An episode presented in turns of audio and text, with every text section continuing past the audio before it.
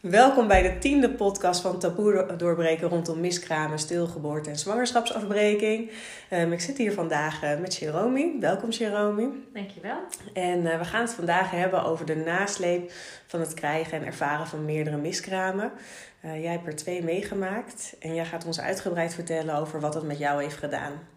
En ik kan wel zeggen, je bent wensmoeder. Ja, klopt. Ik ben inderdaad wensmoeder helaas al eh, twee keer in de buurt geweest van eh, een kindje krijgen, maar nog niet eh, het geluk gehad dat het bij ons goed is gegaan. Um, nou ja, dat brengt me eigenlijk bij de eerste miskraam die we hadden gehad. Um, we zijn denk ik december vorig jaar begonnen met, toen ben ik gestopt met de pil. En nou, ik had denk ik daarvoor ook al wel heel erg dat gevoel van ik wil heel graag beginnen met uh, proberen. En ik was best wel bang dat het misschien heel lang zou duren voordat ik zwanger zou raken. Dus uh, ik had zelfs iets van kom maar op. Nou, en uh, in december had mijn vriend ook zoiets van, nou, ik ben er ook klaar voor. En toen ben ik gestopt met de pil. En um, eigenlijk ging dat voor mijn gevoel veel sneller dan ik had verwacht. Want um, eind februari had ik al een positieve test in handen.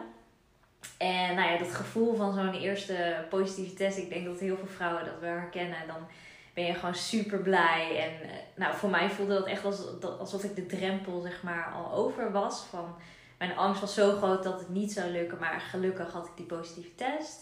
Meerdere testen gedaan natuurlijk om te kijken of het echt wel zo was. En mijn vriend was ook heel blij. En eigenlijk het eerste wat hij zei was, uh, zie je wel, het gaat heel snel. Um, ja, en dan, dan begint natuurlijk hè, van wat moet je doen als je zwanger bent. Um, gelukkig had ik al wel vriendinnen die ook uh, het hebben meegemaakt. Dus nou, gevraagd van hoe, hoe moet dat eigenlijk? En nou, volgens kundige gezocht, een afspraak gemaakt voor, uh, voor de eerste echo. Nou, je voelt ondertussen al wel wat kwaaltjes aan je lichaam. Dat je, nou, ik merkte heel erg dat ik zoiets had van alles wat ik voel heb ik ervoor over. Want ik, het maakt me niet uit hoe misselijk ik ben. Ik wil gewoon heel graag moeder worden. En ja, en op het moment dat je die positieve testen beginnen ook de dromen al. Van hè, over uh, zoveel maanden dan uh, heb je de 20 weken echo. Nou, dan ga je met verlof. Uh, wat gaan we, waar, waar gaan we de kinderkamer maken? En hoe, hoe wil je dat doen? dat je gewoon echt op Pinterest aan het kijken was naar opties voor een kinderkamer. Ehm, dus eigenlijk begint je droom dan al. En dan zie je het al voor je dat je over zoveel maanden zwanger of moeder wordt. En dat je een gezinnetje gaat stichten. Um, nou, en ik denk dat dat um, ongeveer twee, drie weken heeft mogen duren, die, dat gevoel. En dat voelde heel goed. Um, en toen hadden we de eerste echo. Toen was ik uh, bijna acht weken, volgens mij. en toen, uh, nou, toen ging ze eerst uitwendig kijken. En daar zag ze nog, uh, nog te weinig. Dus toen uh, inwendig. Ze had van tevoren al wel gezegd van het kan zijn dat het inwendig moet. Want het is nog wel redelijk uh, vroeg. Je kan nog niet altijd alles zien. Um, ja, en toen... Um, toen ja, ik wist nog helemaal niet ook hoe een, een echo eruit moest zien. Een goede echo. Dus ze zei heel lang niks. En mijn gevoel zei al wel van er klopt iets niet. Waarom zegt ze niks? Maar... En dat was tijdens de inwendige echo? Ja, en ja, op een gegeven moment uh, zei ze van ja, ik, uh, uh, ik zie geen vruchtje. En nou, ik, ik, toen dacht ik echt van hè, kan dat ook ten eerste? Um, en ik dacht ook, maar hoe kan dat? Want ik heb helemaal niks gevoeld. Ik, ik heb geen bloedverlies gehad. Dus, want zij zei van nou, ik, ik vrees dat het een, een miskraam is. Dus dacht ik, een miskraam? Dan moet je toch bloedverlies hebben? En nou, ik, ik merkte dat ik toen heel erg nog bezig was met de informatie. En ik zag wel haar gezicht, haar, de teleurstelling eigenlijk in haar gezicht. Maar ik had zelf besefte ik gewoon nog niet zo heel goed wat het nou precies was. Maar ik wist dus wel van, nou, het is in ieder geval niet goed. En op zo'n moment dan valt die droom van negen maanden, die valt in één keer valt die helemaal weg. En um, nou, eigenlijk begon ik al wel redelijk snel uh, te huilen. En toen zei ze ook, van ze, ze wilde eigenlijk nog allemaal dingen uitleggen. Maar ze zei van, nou, ga anders lekker eerst samen naar huis met z'n tweeën. En ik bel je uh, nog wel om uh, te vertellen hoe en wat. Want het was bij de verloskundige? Het was bij de verloskundige. En volgens mij zijn ze toen al wel van... Ik denk, ik ga nog even met de gynaecoloog overleggen in het ziekenhuis. Maar um, ik denk dat je daar ook nog even langs moet voor een, voor een controle. Want die moeten dan ook vaststellen dat het echt, echt niet goed zit. En nou ja, dan kom je thuis en dan ja, je, we gingen eigenlijk heen zo van even snel. En mijn vriend zou eigenlijk daarna ook gewoon weer naar werk doorgaan. En ik zou thuis werken. En ineens is het gewoon die hele dag is zo anders dan dat je had verwacht. Ik, ja, je gaat, ik, ik wist niet dat, het ook, dat je ook op die manier zeg maar, thuis kon komen van een echo. Want je gaat er toch vanuit van het is gewoon leuk om, uh, om voor het eerst uh, je kindje te zien dus ja, toen hebben we echt eerst met z'n tweeën gewoon op de bank zitten huilen. En um, ja, op een gegeven moment ook een beetje zo van ja, en nu dan? En ik merkte dat ik vooral die dag ook wel heel erg gewoon bezig was met, met inform van informatie. Van hoe, hoe nu dan en hoe kan dit? En ja, ik ben dan iemand die ook wel graag informatie wil hebben. Om het voor mezelf te kunnen verklaren. Um, en het heet dan, officieel heet het een missed abortion. Nou, die naam kende ik niet, maar dat betekent eigenlijk dat je dus uh, dat het nog wel in je lichaam zit. Maar uh, in ieder geval bij mij was dan het vruchtzakje zat nog in mijn lichaam. Je, je lichaam heeft het nog niet afgebroken. Maar um, er is ook geen zwangerschap meer, geen goede zwangerschap. Dus je lichaam, het moet wel uit je lichaam. Uh, nou, het, het, ja, je kan je voorstellen als je zoiets, of in ieder geval zwanger bent geweest, dan, dat het allemaal al zo nieuw is. En dan over, het overkomt je dan echt. En zo voelde het ook. En um, nou, de verloskundige belde me eind van de dag en die zei ook van, nou, um, de gynaecoloog die eh, gaat je nog uitnodigen voor een afspraak in het ziekenhuis, voor een echo. En dan gaan ze ook bespreken wat de mogelijkheden zijn. Um, je kan kiezen voor medicatie om de miskraam op te wekken, zodat je, nou, dan krijg je eigenlijk weeënopwekkers om het vruchtzakje uit je uh, lichaam te drijven. Uh, of je kan uh, afwachten of je lichaam het spontaan afstoot. En ze zei, als ik jou was, zou ik, um, volgens mij was dat op een donderdag, zei ze, ik zou het weekend even afwachten en laten we ons maandag even bellen of je dan al weet hoe en wat. Zij zei, in principe is het advies altijd om in eerste instantie af te wachten, maar ik snap ook dat, nou ja, dat je daar je eigen keuze in moet maken. En ik had eerst zoiets van, ja, mijn eerste gevoel was wel, ik wil er heel snel van af. Maar toch merkte ik ook dat ik wel zoiets had van, ik wil mezelf de tijd geven om dit wel eventjes uh, rustig te overdenken en niet overhaast te beslissen. Nou, ondertussen had ik natuurlijk op mijn telefoon allemaal berichtjes en van hoe is het gegaan. En oh, dat, dat kan je dan zo lang uitstellen. Ik, ik, wist ook, ik wilde gewoon nog heel lang niet op mijn telefoon kijken. Omdat als je het dan ook tegen mensen moet zeggen, dan voelt het alsof het echt zo is. Mm. En dat merkte ik toen heel erg van. ik kan er nog steeds emotioneel eh, worden als ik erover nadenk. Gewoon dat gevoel wat je dan hebt, dat gewoon je hele wereld instort op dat moment. En je kan het ook niet uitleggen aan mensen die niet weten hoe het voelt.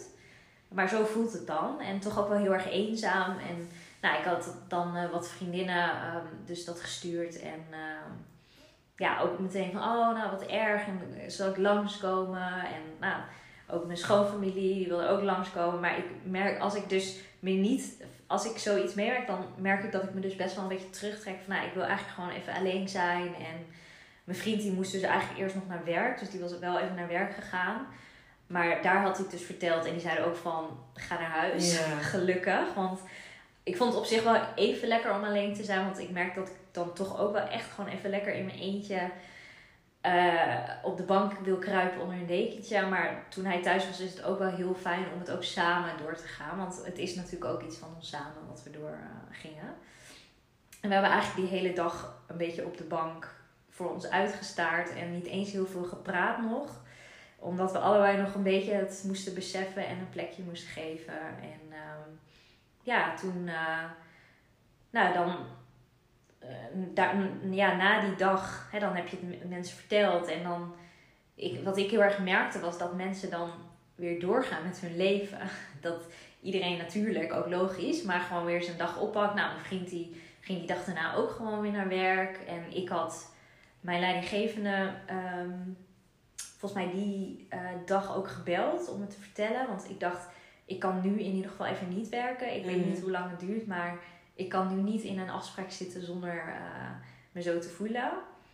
Dus die was gelukkig heel begripvol. Die zei, eh, neem de tijd die je nodig hebt. En we hebben eh, volgende week wel weer even contact. Dus dat was heel fijn, zodat ik ook gewoon eventjes dat uit mijn handen kon laten vallen. Want wist je ook al wanneer je een afspraak met de gynaecoloog had? Nee, die moest ik nog krijgen. Oké. Ehm, en toen belde de verloskundige mij na het weekend op maandag. En ik had eigenlijk in het weekend voor mezelf ook echt al besloten van ik wil eh, die medicatie, want ik wil niet wachten. Ehm, om, op zo'n moment, als je dan weet dat het niet goed zit, dan wil je het gewoon uit je lichaam hebben. Dan, Ja. het klinkt nu heel gek om het zo te zeggen, omdat ik zo graag zwanger wil zijn. Maar op het moment dat je weet van het is geen goede zwangerschap, dan wil je het gewoon zo snel mogelijk uit je lichaam. En ik wilde ook heel graag door. Dat was eigenlijk voor mij, ik wil dit graag achter me kunnen laten. En zowel eh, lichamelijk als emotioneel door. Ja, ik weet ook nog van mezelf dat ik echt dacht van, oh ja, het kan elk moment komen. Dus ik ga durf Ja. nu niet te sporten en ook niet ver te rijden. Want stel dat ik dan de miskraam nu krijg. Klopt, ja, dat had ik ook inderdaad. Dat ik dacht, ja, maar stel dat ik inderdaad eventjes naar, ergens naartoe ga. En ook op, vanwege corona kon je niet zomaar eh, makkelijk naar de wc overal in. eh, als je even bijvoorbeeld de stad in zou gaan. En ik dacht, moet ik dan elke keer maandverband meenemen? Ik vond het heel, ook dat stukje vond ik inderdaad best wel vermoeiend. En inderdaad, als je gaat wandelen, dat ik dacht, oh, voel ik nou iets? En eh, dus ja, ik had zoiets van, ik wil gewoon ervan af. En ehm, volgens mij had ik al best wel snel, volgens mij die week daarop, op woensdag of donderdag, ergens in die week had ik al een afspraak met de, verlos of met de gynaecoloog. Gelukkig, ik moest wel zeggen, ik was heel erg, ik keek er heel erg tegenop om nog een keer een echo te hebben. Want je weet dan al dat het niet goed zit en ik wilde het eigenlijk gewoon niet nog een keer zien. Dus dat vond ik wel heel spannend. Gelukkig kon, eh, ging mijn vriend gewoon mee en mocht dat ook, want het was natuurlijk corona. Maar met een miskraam mag het dus gelukkig nog wel. Ehm, Ging ze het scherm voor je wegdraaien? Nee, want ik merkte toch, omdat het dan eh, in het ziekenhuis was. En nou, ik, ik had het ook niet gezegd hoor, moet ik heel eerlijk zeggen, dat ik er tegenop keek. Ik dacht, nou ja, ik, ik, zie, ik kijk gewoon niet of zo. Maar eh, de gynaecoloog ging eigenlijk wel eh, meteen heel anders. En ik had een hele andere ervaring dan mijn verloskundige. Want zij ging meteen zeggen wat ze zag. Vertellen wat ze zag. Dus ze zei ook nou, ik, ik zie de eierstokken, het ziet er helemaal goed uit. En ze ging eigenlijk best wel vertellen wat ze allemaal zag en aanwijzen en wat er allemaal goed uitzag. En dat gaf mij juist weer wat meer vertrouwen van oké, er is niks geks te zien, dus het ligt niet per se ergens aan. Eh, ik had ook niet iets anders kunnen doen. Dus gek genoeg gaf die echo mij juist iets meer vertrouwen. ehm. en ze zei ook van nou, ehm, eh, ze had nog een keer opgemeten en het was dezelfde grootte. Dus ehm, nou, ze, ze bood mij dus ook die opties aan. En ik zei dus van dat ik voor die medicatie eh, ging. Eh, ik moet er trouwens bij zeggen dat ik vind dat in het ziekenhuis dat er heel weinig aandacht is voor hoe het nou echt met je gaat. Er is aandacht voor het lichamelijke stukje. Eh, en ze leggen dan dus ook uit hè, met die medicatie hoe je dat moet doen en wanneer. En dat je pijn kan hebben, dus je krijgt ook pijnstillers. En dat je, nou, als je binnen een uur een maandverband moet verwisselen, als je heel veel bloedverlies hebt, dat je weer moet bellen. Maar niet zozeer echt dat emotionele stukje van, ja, hoe, hoe gaat het überhaupt met je? Wat doet het met je? Heb je genoeg steun? Eh, heb je daar begeleiding bij nodig? Nee, helemaal niet. En nou, toen besefte ik me dat ook nog niet heel erg hoor, want het kwam allemaal op me af. Maar achteraf denk ik, ja, ik had die vraag heb ik best wel gemist vaak. Ehm, nou, dan moet je meteen die medicatie ophalen in het ziekenhuis. Ehm, en ja, het voelt allemaal gewoon als een. Gewoon zo vervelend dat je dan ook nog weer in zo'n apotheek moet zitten wachten op je medicijnen. En dan gaat iemand achter de balie vertellen hoe je dat moet doen. En dan denk ik ook van, weet je überhaupt wel wat ik moet doen? Mm. Want je merkt dat het voor haar is gewoon dagelijkse kost. Dat snap ik ook. Maar voor mij was die impact gewoon heel groot. Dat ze dan vertellen van, nou, als je te veel bloed verliest. En ik ga dan al helemaal ja, horror dingen voor me zien. Van, oh, straks moet ik nog weer naar het ziekenhuis omdat ik te veel bloed verlies. En ik had natuurlijk ook al wel dingen opgezocht online erover. En ook wat horrorverhalen gelezen. Ehm, dus ja, ik, ik vond het allemaal heel onduidelijk of zo. En ik dacht, nou weet je, eh, ze zeiden wel van eh, je moet het nemen als, je, eh, als er iemand bij je Ja. is. Dus nou, mijn vriend die moest natuurlijk gewoon werken. Dus toen had ik gezegd, nou dan doe ik gewoon zaterdag, neem ik dan die pillen. En dan moet je volgens mij 48 uur van tevoren nog een andere, eh, ander pilletje nemen. Ik weet niet meer zo goed waar dat voor was. Ehm, en dan 48 uur later moet je dan dus de, die twee of vier tabletten eh, vaginaal eh, inbrengen. En nou, ik, dat pilletje wat ik 48 uur van tevoren moest nemen, dat, ehm, daar werd ik super misselijk van. Of het was toevallig dat ik net gewoon zwangerschapsmisselijkheid kreeg, maar ik werd super misselijk, kon niks binnenhouden en ik voelde me heel ellendig. Dat ik echt dacht, komen nu pas de kwaaltjes of komt het hierdoor? Maar ik, op, toen kwam ik echt op zo'n punt van, ik wil dit helemaal niet meer. En dan voel je lichamelijk heel zielig en emotioneel heel zielig. En nou, gelukkig waren er best wel veel eh, mensen ook al wel langsgekomen. En nou, daar heb ik ook wel veel steun aan gehad. Maar ehm, ja, je voelt je toch heel alleen in Ja. het hele proces. En mijn vriend die eh, is heel begripvol geweest en heeft gedaan wat hij kon. Maar ook daarin eh, zei hij ook van ja, ik voel natuurlijk niet wat jij voelt. Eh, ik ga niet lichamelijk door wat jij doormaakt. Nee. Dus ook daarin snapte hij ook wel dat het soms gewoon heel eenzaam voelde. En oneerlijk. En oneerlijk Ja. ook. Ja, tuurlijk. En dat vond hij ook. Hij wilde natuurlijk ook wat van me wegnemen. Maar Ja. dat kan natuurlijk ook niet. En ik heb toen zelfs nog, omdat ik gewoon heel erg zoiets had van ja, ben ik nou de enige die dit meemaakt? Eh, ben ik nog, heb ik nog een forum gevonden online en waar ik ook nog wat verhalen van andere vrouwen had gelezen. En dat gaf me ook wel iets meer kracht van gelukkig gebeurt het dus eigenlijk best wel vaak en ben ik niet de enige en is het niet nou iets wat waar ik gewoon ja waar ik de enige of ja waar ik pech dan in heb. Tuurlijk, ik heb wel pech, maar gelukkig gun het natuurlijk niemand, maar gelukkig ben ik niet alleen. Ja. En dat gaf me wel iets, eh, iets meer hoop ook dat het misschien ooit nog wel goed zou komen. En gelukkig in mijn omgeving, eh, mijn schoonzus, die heeft het ook twee keer meegemaakt. Dus die wist ook heel goed hoe ik me voelde. En nou ja, die heeft gelukkig nu ook twee gezonde kindjes. Dus daarin probeerde ik ook heel erg te denken van het kan ook allemaal nog daarna goed komen. Dus ik probeerde ook wel nog naar de toekomst te kijken. Als dit achter de rug is, Ja. dan kunnen we door. Dat was eigenlijk wel een beetje mijn, mijn motto ook. Zo van nou, na dit weekend is het klaar. En eh, nou, toen zaterdag eh, de medicatie genomen. En nou, toen zaten we samen ook best wel in spanning te wachten. Wat gaat er nou eigenlijk gebeuren? Mhm. Want ja, ze zeiden, ja, je kan dan eh, wel heftige pijn krijgen en stolsels verliezen. Dus ik dacht, nou, ja, ik had wel zoiets van, kom maar op. Want Ja. ik wil gewoon dat het eruit komt. En het begon eigenlijk ook al redelijk snel, na een uur of zo. En nou, inderdaad wel heftige krampen en veel stolsels verloren. Maar ik moet wel achteraf zeggen, en ook op dat moment, ik vond het niet, natuurlijk niet prettig. En het deed wel pijn, maar die pijn was zo, zo, deed zoveel minder pijn als het verlies wat ik had. eh, Toen, toen ik die echo zag, zeg maar. Ja. Het- dit was echt zoiets van, nou, dit moet nog even. Maar ja, Ja. Het, er zijn ook wel vrouwen die dat als heel heftig hebben ervaren. En ik heb het gewoon ervaren als, tuurlijk wel heftig, maar het deed me gewoon echt veel minder pijn als het idee dat het gewoon helemaal klaar was. Dat ik niet meer zwanger was en dat al die leuke dingen die ik in mijn hoofd had niet meer, in ieder geval nu niet gingen gebeuren. Nee, dus eigenlijk de hartzeer deed- Ja. was pijnlijker. Ja, En ergens was het fysieke afstoten was ook een opluchting. ja. Ja, en het was echt al na, ik denk een half uur of zo, eh, begon, stopte het bloeden al. Half uur, drie kwartier, zoiets. En eh, ook de pijn dus. En toen dacht ik, is dit het? Want het was toen ook klaar. Ik dacht, nou, als dit het was, dan eh, viel het ook wel mee. En toen dacht ik, toen voelde het ook al meteen wel als een opluchting van, ach, gelukkig, het is nu achter de rug. En nou, dan heb je die week daarop heb je dan nog een controle echo om te kijken of alles goed is. Maar in principe is dat standaard en ga je ervan uit dat het gewoon weg is.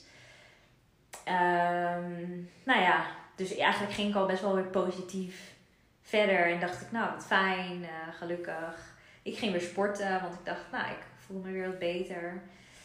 En eh, nou, toen ging ik sporten en toen, eh, volgens mij twee dagen voordat ik eigenlijk eh, naar het ziekenhuis moest voor de controle echo. En toen had ik ineens heel veel bloedverlies tijdens het sporten. En toen dacht ik, huh? Wat is dit? Want het was al een paar dagen gestopt. En ik voelde verder ook niks meer. En dus ik het ziekenhuis bellen en ze zei van, nou ja, het kan soms ook nog uh, een nakramp zijn en het, het, is in principe niks ernstigs. Mhm. Dus ze zei, wil je eerder komen voor een echo of uh, wil je gewoon wachten? Dus ik zei, nou dan wacht ik wel gewoon. Maar ik had geen goed gevoel bij. Ik dacht van, volgens mij hoort dit, ja, de, mijn gevoel zei dat klopt iets Ja. niet. En uh, nou, toen hadden we die echo en uh, toen zei ze ook, nou, ik zie nog wel wat uh, onrustigheid in je baarmoeder en uh, ja, nog wat, er zitten dan nog wat restjes of zo. En Ja. dat is dan echt heel weinig, echt maar een centimeter of zo. Maar het zit er nog wel, dus ze zei, uh, we wachten even mijn menstruatie af, dan komt het vaak wel mee. En dan gaan we daarna weer kijken. En ze zei het zo alsof dat, nou die kans 99% was dat het meekwam, zeg Mm. maar. Dus ik, ging daar, ik nam dat gewoon aan. Ik dacht, nou, oké, je menstruatie afwachten en dan nog een Ja. Ik dacht wel van, oh, nog een keer. Ik had het eigenlijk graag willen afsluiten, maar oké, ik hoef gelukkig niet nog een keer medicatie of iets. Ehm, nou, menstruatie was, die zou wat heftiger kunnen zijn, was ook zo. Dus ik dacht, nou, dan is het nu wel meegekomen. En die echo, dat doen we nog eventjes. En dan kunnen we eindelijk verder. Inmiddels Ja. waren we denk ik al wel dan twee maanden verder. En toen eh, hadden we de echo en... eh, Want je had een normale ongesteldheid? ja, ja dan, inderdaad. eh, mijn ongesteldheid kwam eigenlijk gewoon weer... ehm, eh, nou, ik weet niet hoeveel tijd ertussen zat, omdat ik natuurlijk de medicatie, met medicatie heb opgewekt. Maar de ongesteldheid was wel gewoon weer, kwam redelijk snel weer. Ik denk Ja. echt wel op de tijd dat die eigenlijk had moeten komen in mijn cyclus. Dus het gaf ook vertrouwen Ja, dat alles goed zou zijn. klopt dat hij gewoon weer kwam. En eh, nou, het deed wel iets meer pijn, maar dat was dus normaal. Maar ik was heel blij voor het eerst dat je blij bent dat je weer ongesteld wordt. En ehm, nou, toen dacht ik, nou, dan is het gelukkig bijna achter de rug. Ik vond het al heel lang hebben geduurd, maar dan is het in ieder geval kunnen we eindelijk door. Ik had ook zoiets van, dan wil ik ook gewoon meteen weer door. Verloskundige had nog tegen me gezegd van, nou, je hebt dan vaak nog wel wat hormonen in je lichaam, dus ben je iets meer iets vruchtbaarder. Dus dacht nou, dan wil ik ook meteen door, want ja, die wens is natuurlijk niet ineens weg. Nou ja, toen hadden we de echo en ja, weer eh, zo'n inwendige echo. Op een gegeven moment ben je er helemaal klaar mee dat je daar steeds ligt. Maar Ja. ik dacht, nou, doe maar. En ehm, ja, toen zei ze, ik, eh, dat was bij een ehm, klinisch verloskundige die deed dat. En ze zei, ja, ik twijfel een beetje of ik nou wel of niet wat zie. Dus ze ging er een eh, gynaecoloog bij halen. Nou, dan lig je daar dus ook heel ongemakkelijk met dan die echo. Die moest ik dan zelf even vasthouden, want zij ging dus Nee. dus het was heel ongemakkelijk. Ik vond het echt heel, een hele vervelende ervaring. Ja. ook. Want zij ging dan die gynaecoloog bellen. En nou, voor, mijn vriend zei ook van, ik vond het ook heel ongemakkelijk Ja. om te zien. Want hij stond er ook bij. Eh, nou ja, dan komt er een gynaecoloog binnen die je dus ook nog nooit eerder gezien. Nou, die stelt zich dan voor terwijl je daar met je benen wijd ligt. Ja, ik weet heus wel dat er nog veel meer dingen gaan gebeuren. Het is gewoon een je beetje toch? ja, het Ja. vond gewoon heel ja, vervelend of zo. En nou, zij keek één keer naar uh, beeldscherm en ze zei meteen van nee, dit gaat niet meer vanzelf weg. Er zit nog een restant en dat, eh, dat moeten we operatief weghalen. En Hoe was dat voor je? Nou, toen dacht ik echt, huh? Ik wist niet eens dat dat een optie, dat het überhaupt nog zou kunnen. Want ik was in de veronderstelling dat de vorige keer, toen ze zei, nou, dat komt vaak wel met je menstruatie mee, dat dat gewoon bijna een feit was. of Ja. zo. Ik heb ook niet gevraagd van, nou, wat zijn de percentages dan? Maar dat, daar denk je dan natuurlijk niet aan. Maar eh, ik dacht wel van, huh? Hier ben ik helemaal niet op voorbereid. En ik dacht, dit is de laatste echo en dan kunnen we verder. En ineens hoor ik dat we nog eh, dat ik geopereerd moet worden. En ze vertelde het ook heel snel. Van, nou, dat kunnen we gewoon eh, op de poli doen. Je moet gewoon zelf even pijnstillers nemen thuis. En eh, nou, dan kunnen we gewoon met een cameraatje erin. En dan nemen we het weg en klaar. Het, gaat zo snel dat je denkt, huh? Oké, ze, vertelt het alsof het niks is. Maar zo voelt het niet. En nou, toen ging die gynaecoloog ook weer weg. En toen hadden we, gingen we nog even zitten met die klinisch verloskundige. En die vroeg, heb je nog vragen? En nou, ik dacht echt, ik weet niet eens... Ja, ik heb misschien nog wat gevraagd, maar het ging allemaal zo snel. Gewoon helemaal overdonderd. Helemaal overdonderd. En dat ik echt dacht van, maar... Voor mij, ik zat nog steeds in die emotie, maar het was toch klaar. Ja. En in die, daarna is nog van alles gebeurd en gezegd. En dat... Nou, dus ik was ook helemaal weer emotioneel toen we dus naar huis gingen. Van, hè? Het was toch klaar of zo? Dat bleef de hele tijd zo in mijn hoofd eh, hangen van waarom is het nog niet klaar? Waarom kan ik niet verder? En hoezo gebeurt het bij mij? En ja, inmiddels eh, ben je dan al eh, drie maanden verder of zo. Hmm. En ehm, nou ja, dan moet je natuurlijk ook wachten op een datum. Nou, gelukkig was dat redelijk snel, maar ik merkte wel dat het me gewoon niet helemaal lekker zat. En ik ging dus nog een keer op dat forum kijken. Waar Ja. ik, eh, en daar eh, ging ik opzoeken of andere vrouwen dat. Of nee, ik had zelf een berichtje geplaatst van of andere vrouwen ook zoiets hadden meegemaakt. Het heette dan een hysteroscopie.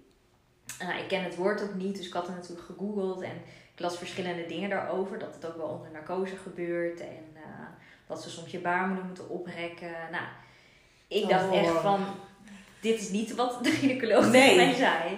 Dus ik had maar een berichtje ingestuurd van, nou, hebben meer vrouwen dit gehad en eh, hoe hebben jullie het ervaren? En nou, heel veel reacties gekregen en ook wel heel fijn om te horen van dat je niet, ook daarin niet alleen bent. Dat Ja. zelfs dus heel veel vrouwen ook zo'n lange nasleep hebben. En ook gewoon heel veel, je kent elkaar niet, maar iedereen geeft elkaar gewoon alle info. En ze zeiden ook, nou, ik, eh, de meesten hadden het onder narcose gehad. En eh, er werd, veel zeiden dus ook van, nou, ik zou echt wel adviseren om dat te doen, want het is niet prettig. En los van het lichamelijke is het emotioneel gewoon ook niet prettig om dat Mhm. mee te maken.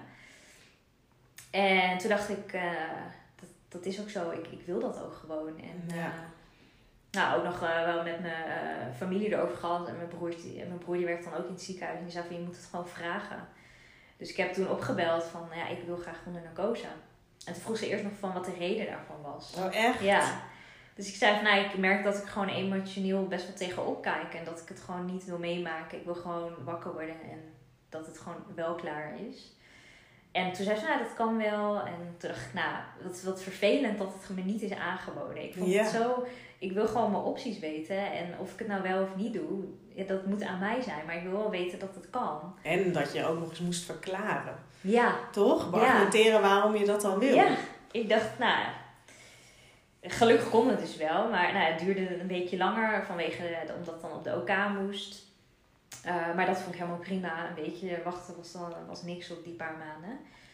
En nou ja, super zenuwachtig natuurlijk. Want je weet nog steeds niet echt wat er gaat gebeuren. En ehm, nou ja, volledige narcose is ook wel spannend. Maar ik had wel echt liever dat dan dat ik het mee zou maken. Uh, maar ja, helaas ondanks, uh, vanwege corona mocht mijn vriend dus helemaal niet mee. Dus dan moet je alleen uh, daar in het ziekenhuis zijn. En dat voelt zo naar. En dan, Ja.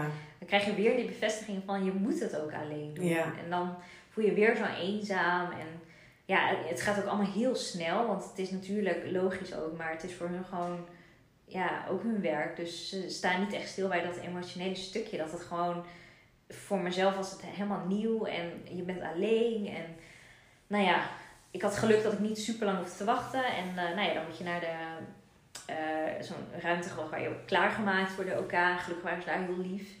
Um, dus dat was wel fijn. En dan ga je, het gaat best wel snel. Dan ga je dus naar de operatiekamer. Daar was ik ook nog nooit eerder geweest. En dan, uh, ja, dan, dan lig je op die tafel. En um, dan zie je voor het eerst de gynaecoloog ook die je gaat, uh, want het was een andere, dus ik kende hem nog niet, nou, die je dan dus gaat uh, opereren. En nou, even snel van hoor je, oké, nou, ik ga dit en dit doen, ja, klopt. En je moet wel tien keer zeggen wat ze gaan, de vraag is van wat gaan we vandaag bij je doen. Want dat is uit hè, ter controle, maar het is best wel vervelend om dat uh, wel vier keer achter elkaar te moeten zeggen. En dan krijg je die narcose en gelukkig ging dat heel snel. Ze, uh, hij zei tegen mij, nou, nu komt er narcose. En ik voelde dat gewoon in mijn lichaam stromen en toen was ik ook weg. Dus Ja. toen, ik dacht ook van, laat mij maar weggaan en doe maar je ding. En dan uh, is het tenminste klaar. Nou, toen werd ik wakker uh, op de uitslaapkamer. En, en dan zat je vriend ook niet naast je, denk ik, hè? nee, nee, dan ben je gewoon alleen. Nou ja, er liggen andere mensen die ook wakker worden, maar dat is het. En dan staat er een, uh, een verpleegkundige naast je. En uh, nou, ik was net wakker en ik vraag aan haar van, uh, is het gelukt? En uh, ze zegt tegen mij, uh, ja, de, de uh, dokter komt zo nog even langs. Dus Oh, ze gaf geen antwoord op mijn vraag. En toen had ik, ik voelde meteen in mijn onderbuik van, dit klopt niet. Ja. Ik had er meteen, ik kon echt toen al wel janken. Ja. Ik dacht, dit klopt niet. Want ze doet zo, voor mijn gevoel deed ze heel ongemakkelijk. En wist ze ook niet zo goed wat ze moest zeggen.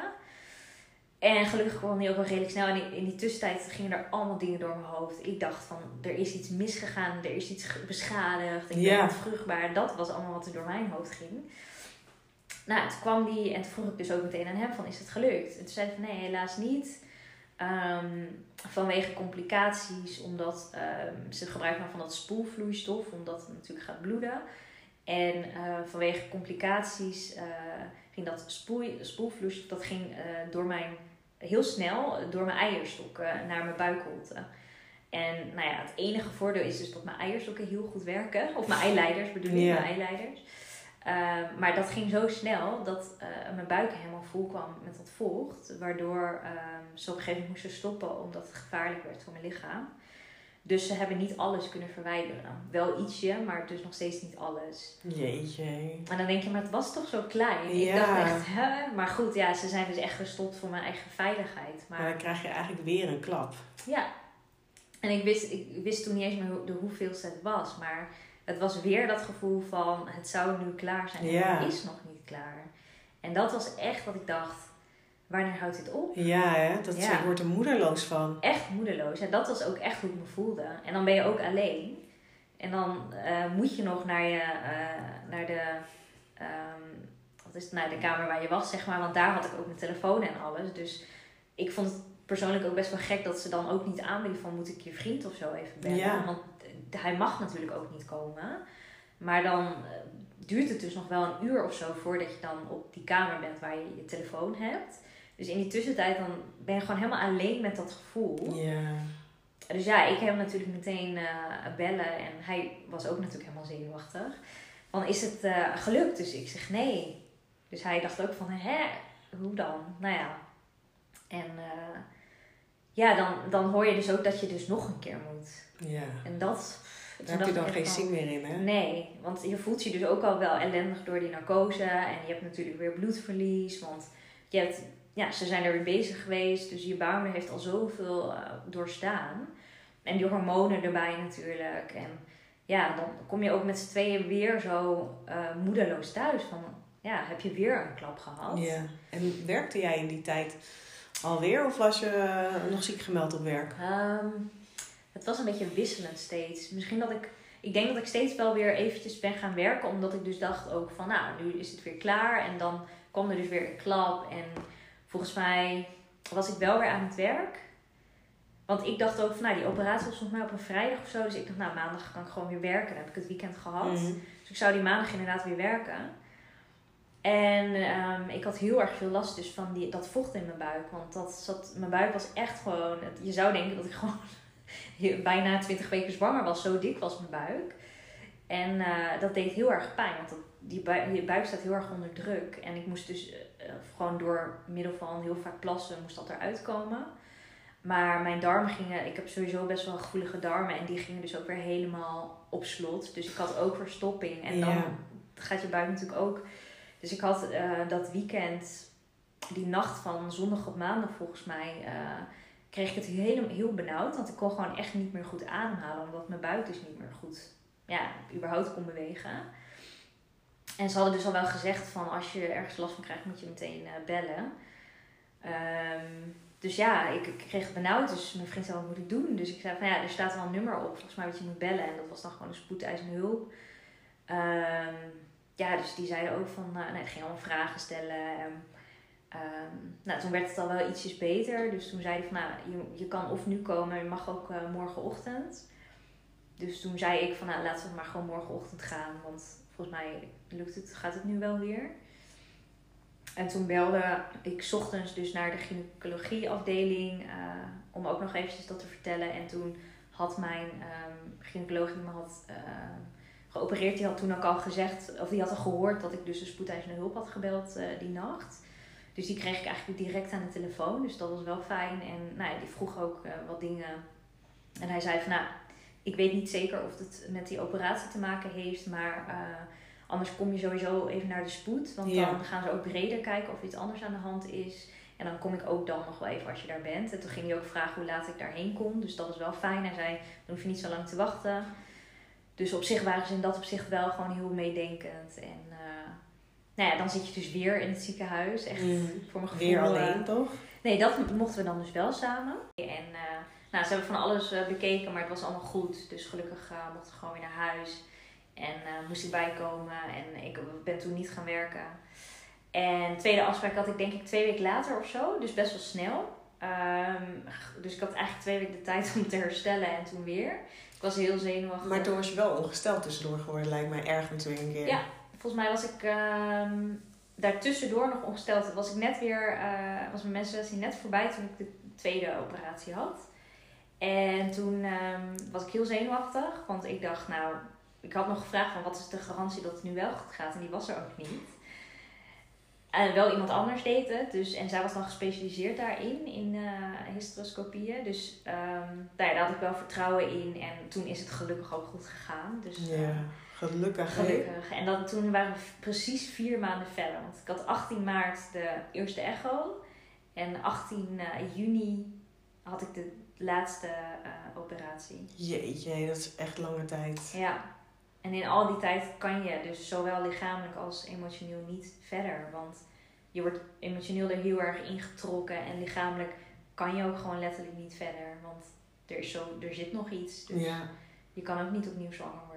Maar kon je toen nog wel steeds denken van oké, ik ga er gewoon weer voor gelijk?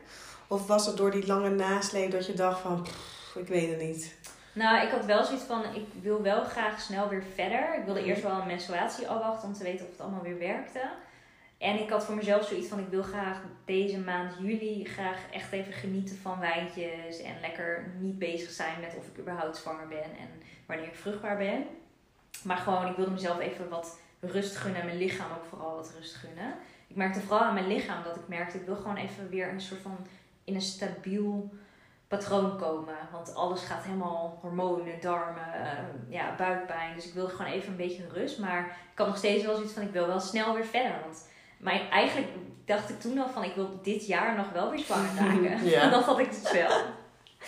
Dus ook, nou, ik had gezegd, ik wil een paar maanden rust. Nou, na één maand dacht ik, ik ben wel weer klaar met die wijntjes, dus kom maar op.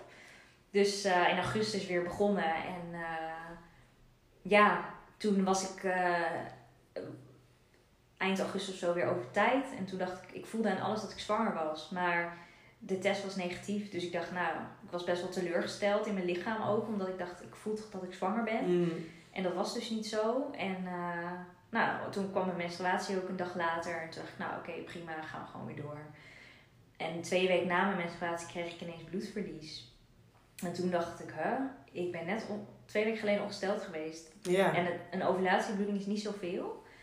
Dus dat vond ik verdacht. Toen heb ik het ziekenhuis gebeld. En uh, de gynaecoloog zei van, nou ja, die vroeg ook van, is het geen ovulatiebloeding? Ik zei, nee, het is wel echt iets meer. Zei hij, ben je niet zwanger? Dus ik zei, nee, ik uh, heb nog uh, een negatieve test gehad voor mijn vorige menstruatie. Ik ben twee weken geleden ongesteld geweest. Hij zei, doe toch nog maar een test. Dus ik dacht nog van, nou, dat vind ik, ja, vind ik Ja. zonde van mijn testen. Maar oké, ik doe het wel als hij Ja. Dus die volgende ochtend test gedaan, was positief.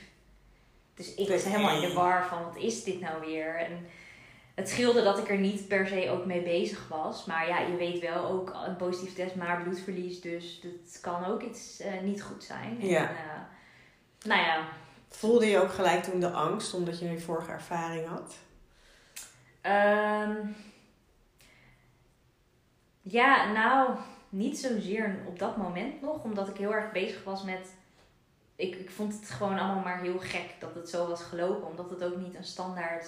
Het is niet zo van je hebt een positieve test en daarna ga je bloeden, maar ik had eerst bloedverlies en toen pas een positieve test. Dus ik ging er eigenlijk ook van uit dat het niet goed was. En toen hadden we wel eh, een week later of zo een echo, omdat het bloedverlies heel wisselend was. Dus ik dacht, ja, ik wil nu. Toen werd ik wel een beetje zenuwachtig van, ik wil het nu weten wat het is. Bij de verloskundige of bij de verloskundige. Ik weet ook achteraf helemaal niet waarom ik toen de verlos- verloskundige heb gebeld. Ik had gewoon een gynaecoloog moeten bellen, maar ik dacht, ja, ik weet niet dat. Ik had een soort van. Zoiets van: ik belde verloskundige, ik weet het niet. En toen zag ze wel een beginnende zwangerschap en eh, mogelijk zelfs een tweeling, maar het was allemaal nog te vroeg om te zien. Eh, ze zei: het is gewoon een beginnende zwangerschap, dus het kan twee kanten opgaan. Als het bloedverlies stopt, kan het gewoon doorgaan. eh, een goede zwangerschap worden, maar het kan ook nog afbreken.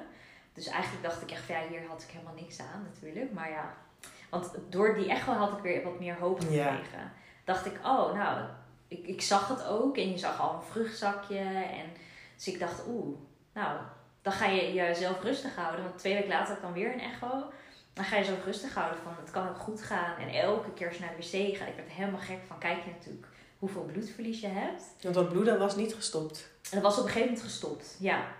Dus toen dacht ik, oh nou, hè, misschien uh, zit het wel goed. Ja, het was op een gegeven moment gestopt. En uh, ik voelde me ook beter. Ik had mezelf heel rustig gehouden door te zeggen, vertrouw op je lichaam. En als het goed zit, zit het goed. En uh, anders merk je het wel. En nou, het bloeden was gestopt, dus ik dacht, nou, het zal toch niet. En mijn vriend die was deze keer heel erg al aan het plannen van, nou, misschien toch dit. En ik zei van, doe nou maar niet, want je weet het nog helemaal niet. En laten we eerst maar, ik wil eerst een klop het hartje hebben voordat ik iets überhaupt verder denk. En uh, nou ja, toen hadden we die echo en uh, weer bij dezelfde verloskundige als de eerste echo die niet goed was. En het was helemaal weg. Helemaal weg? Ja, ik had, voordat, ik had de hele tijd een goed gevoel. En voordat, vlak voordat we naar de echo gingen, ging ik nog even naar de wc. En toen had ik iets in mijn buik wat gewoon niet goed voelde. En toen had ik heel, echt een heel mini beetje roze op mijn wc-papiertje. En toen begon ik gewoon spontaan te huilen, omdat ik voelde van het klopt niet. Ja. Terwijl ik verder geen bloedverlies meer had gehad, maar ik voelde gewoon van het is toch niet goed. En zo gingen we dus ook, zo ging ik dus eigenlijk al naar die echo. Ik had het volgens mij, oh ja, ik had het wel tegen mijn vriend al gezegd. En ik zag die echo en ik wist inmiddels wel wat je moest zien. En wat je niet, wat, als het leeg was, wist ik ook hoe het eruit zag. En ik zag helemaal niks meer. Het was gewoon helemaal leeg. En toen dacht ik, zij was weer heel lang stil. En dat vond ik ook weer heel vervelend. Want ik dacht, ja, zeg nou maar gewoon dat het goed mm. is. En ik zei, zelf, ik zei dus volgens mijzelf, nou, ik zie niks meer. Ja. En toen zei ze van, ja, ik ben het wel met je eens. Ik zie ook niks. Dus ja, toen was het weer. En achteraf denk ik van, had ik mezelf dit nou kunnen besparen door gewoon niet al die eerdere echo te hebben gehad. Maar ja, dat is allemaal achteraf. Ja. Het heeft me ook weer sterker gemaakt, omdat ik wel weet dat ik die weken door ben gekomen. En nou ja, waar ik in ieder geval heel blij mee was, was dat, um, dat het spontaan is gekomen deze keer. Want het is me in ieder geval, uh, ik heb niet nog een keer zo'n lange nasleep gehad. Maar voor mij kwam de klap wel na die tweede miskraam, ondanks dat het me eigenlijk een soort van was overkomen kwam de klap toen ineens heel erg van het verlies. En ik ja, wat ook voelde je dan? gewoon heel erg veel on, uh, on, ja, heel negatief van waarom ik weer en waarom doet mijn lichaam dit. En ik ben er helemaal klaar voor en waarom heb ik dan twee keer achter elkaar een miskraam. En we hebben al zoveel ellende gehad. En ik had echt zoiets van na die eerste keer van nou, hebben zoveel ellende gehad, nu gaat het ons... Uh, nu gaat het goed komen. En we, we hebben onze relatie zo sterk en we hebben dit zelfs met z'n tweeën doorstaan. En ja, we zijn helemaal klaar voor een kindje. Dus het, het gaat nu gewoon goed. En dan gaat het weer niet goed. En weer zoveel onzekerheid en verdriet. En ja, toen kwam bij mij echt de klap. Dat ik echt uh, aan alles voelde van ik, ik heb rust nodig. En ik moet dit ook toch nog gaan verwerken. En toen ben ik ook gestopt met werk. Ik heb muziek gemeld. Ik heb ook gezegd bij mijn werkgever van uh, hoe het zit. En mm. dat ik gewoon echt eventjes uh, rust nodig had. En uh, ik ben toen via de huisarts heb ik, gevraagd of ik begeleiding kon krijgen. En toen ben ik doorverwezen naar een psycholoog. En daarmee ben ik aan de slag gegaan om het echt te gaan verwerken. En um, gewoon elke dag weer terug naar die emotie van wat heeft me zoveel verdriet gedaan. En wat, um, wat heb ik nou zo moeilijk gevonden. En bij mij was toch ook wel wat me heel erg veel verdriet had gedaan, was echt ook wel die nasleep. Van dat je gewoon heel lang hoop blijft houden en jezelf rustig houdt en steeds weer teleurgesteld wordt. Ja. En dat in combinatie met eenzaamheid. Van heb ik dit nou, waarom overkomt het mij? En ben ik de enige die hier doorheen gaat? En uh, daarom was ik ook wel heel blij, dus ook met dat forum, dat ik zoveel vrouwen had gesproken die toch ook echt precies door hetzelfde heen zijn gegaan. En we hebben elkaar ook op de hoogte gehouden toen van over hoe de operatie was gegaan. En nou, een aantal die waren ook al eh, redelijk snel weer zwanger. Dus toen dacht ik ook oh nou fijn, want dat kan dus gewoon ook heel snel daarna. En nou ja, dan ben je ook gewoon teleurgesteld dat het bij mij dan weer niet goed is gegaan. En ja, dat had me toen, had, was ik helemaal gebroken. Toen ik, het was in november denk ik vorig jaar. Maar toch, ja, om daar, ik ben zo blij dat ik de rust heb genomen om er bewust mee bezig te gaan. En om het echt voor mezelf een plekje te geven. Er waren ook wel mensen die tegen me zeiden van ja, wil je, wil je dat, hè, wil je niet ook een beetje afleiding van werk? En is het wel goed om de hele tijd thuis te zitten? En, maar ik merkte aan mezelf, nee, het voelt goed. Ik, heb rust, ik heb tijd om te doen waar ik energie van krijg. Om te wandelen, om ik heb veel podcasts geluisterd en veel hè, verhalen van andere vrouwen gehoord. Maar ook wat onderzoek gedaan naar hè, wat, doen je hormonen eigenlijk en wat kan je doen om je hormonen weer wat in balans te krijgen. En ja, dus het gewoon even lekker met mezelf bezig zijn. Ik had het echt nodig. En ik denk ook niet dat als ik dat had, niet had gedaan, dat ik er nu al zo bij zou zitten. Want ik sta er nu weer helemaal positief in. En ik weet ook wat me sterker heeft gemaakt uit dit hele uh, traject. Eigenlijk heeft het bijna al met al bijna een heel jaar in beslag genomen. Maar ik kan nog steeds kijken naar, positief kijken naar een nieuwe zwangerschap. En ik heb nog steeds, ik weet zeker dat wij uh, gezond, een gezond kindje gaan krijgen. En daar blijf ik gewoon aan vasthouden van het komt wel. En het komt zoals het komt op het moment dat het gewoon goed is. En uh, ja. Want die hoop heb je eigenlijk weer teruggevonden. Ik kan me voorstellen, hè, na de tweede keer. Als ik ook naar mezelf kijk, is dat zo'n klap dat je denkt van... Uh, komt het ooit nog wel goed? En inderdaad, hè, van waarom nou weer ik? En we hebben al zoveel ellende gehad. Ja. En ergens vind je weer de hoop en de kracht en de moed. Ja. Maar hoe dan?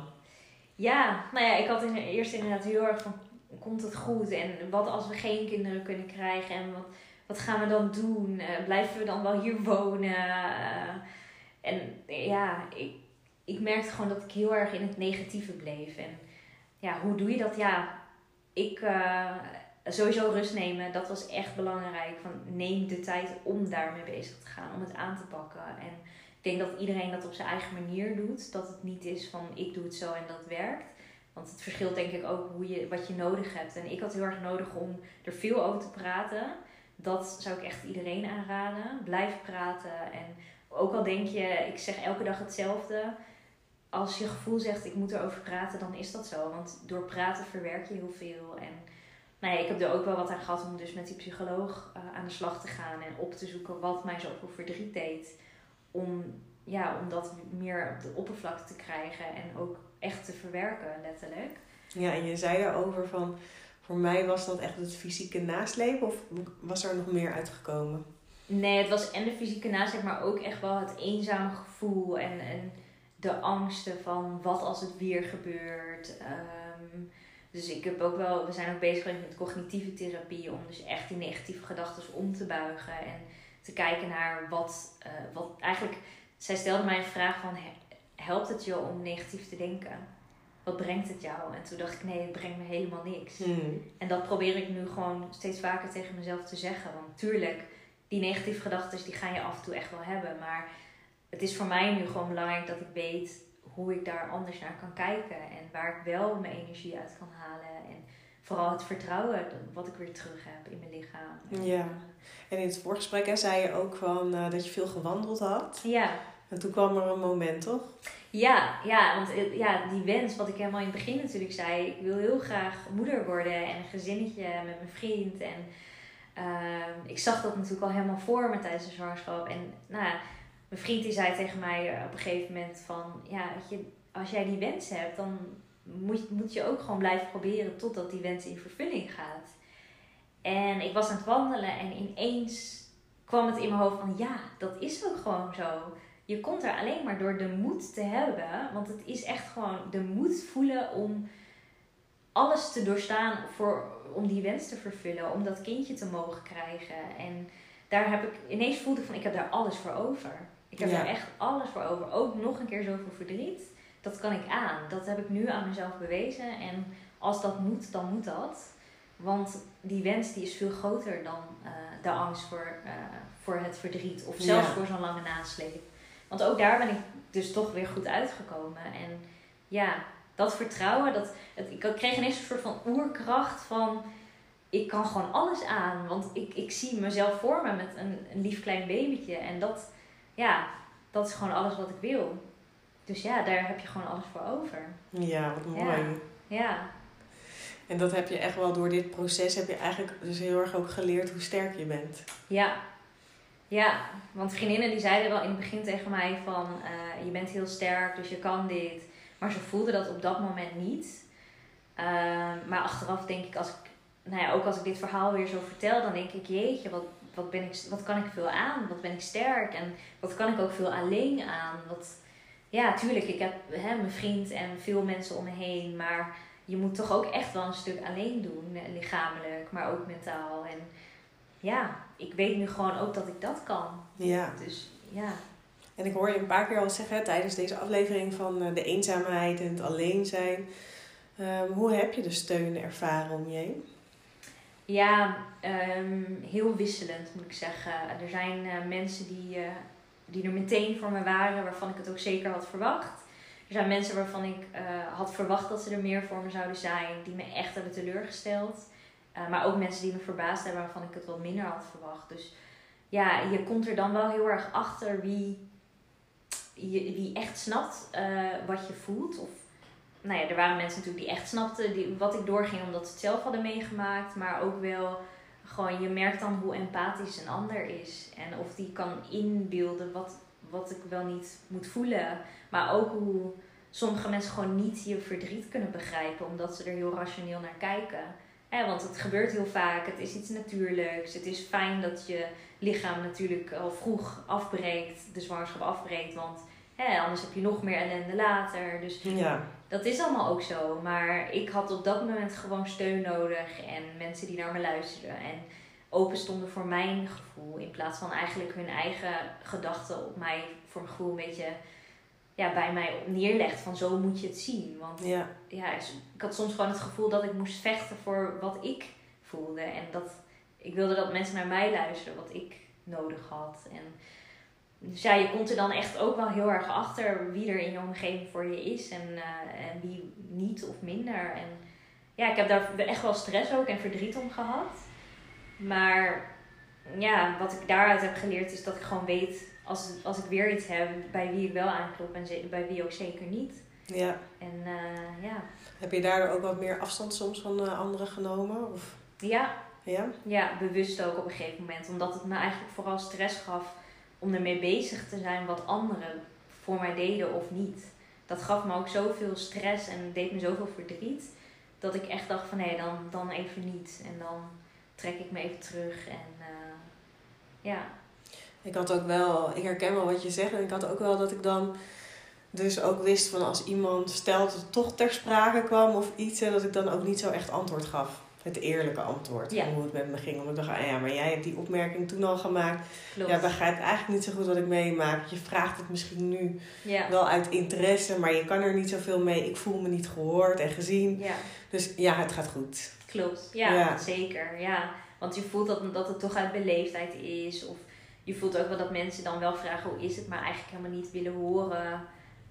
En niks eigenlijk over de miskraam, maar gewoon meer van hoe gaat het op werk of zo. En ja, ik, ik, merkte dat ik dan zo erg ook bezig was met een ander. Dat ik dacht, ja, het moet nu, mag nu ook een keer om mij draaien. Ik ben er altijd voor anderen en ik vind het helemaal niet erg om, uh, om er altijd voor anderen te zijn als die dat nodig hebben. Maar ik voelde me ook voor het eerst dat ik dacht, ik mag nu ook een keer egoïstisch zijn. Want het mag nu wel ook een keer om mij draaien. Ja. ja, als iemand dat dan niet kan op zo'n moment, dan ja, is dat dan ook wel echt een, een vriendschap? Of is het dan ook echt wel een goede band die je met iemand hebt? Ja, of is het meer een kennis? Ja, ja. ja dan, dan kom je er echt achter. Uh, en loop je, loop je dus ook echt wel tegen de ja aan. Ja. hey, en um, je hebt eigenlijk al wat tips uh, tussendoor gegeven. Hè? Als we nu zo'n beetje bij het einde zijn gekomen en we hebben het over je nasleep, is er dan nog iets wat je bedenkt, nou dit wil ik nog heel graag delen of deze tip wil ik heel graag geven? Um, ik denk dat het allerbelangrijkste is om te blijven praten uh, erover.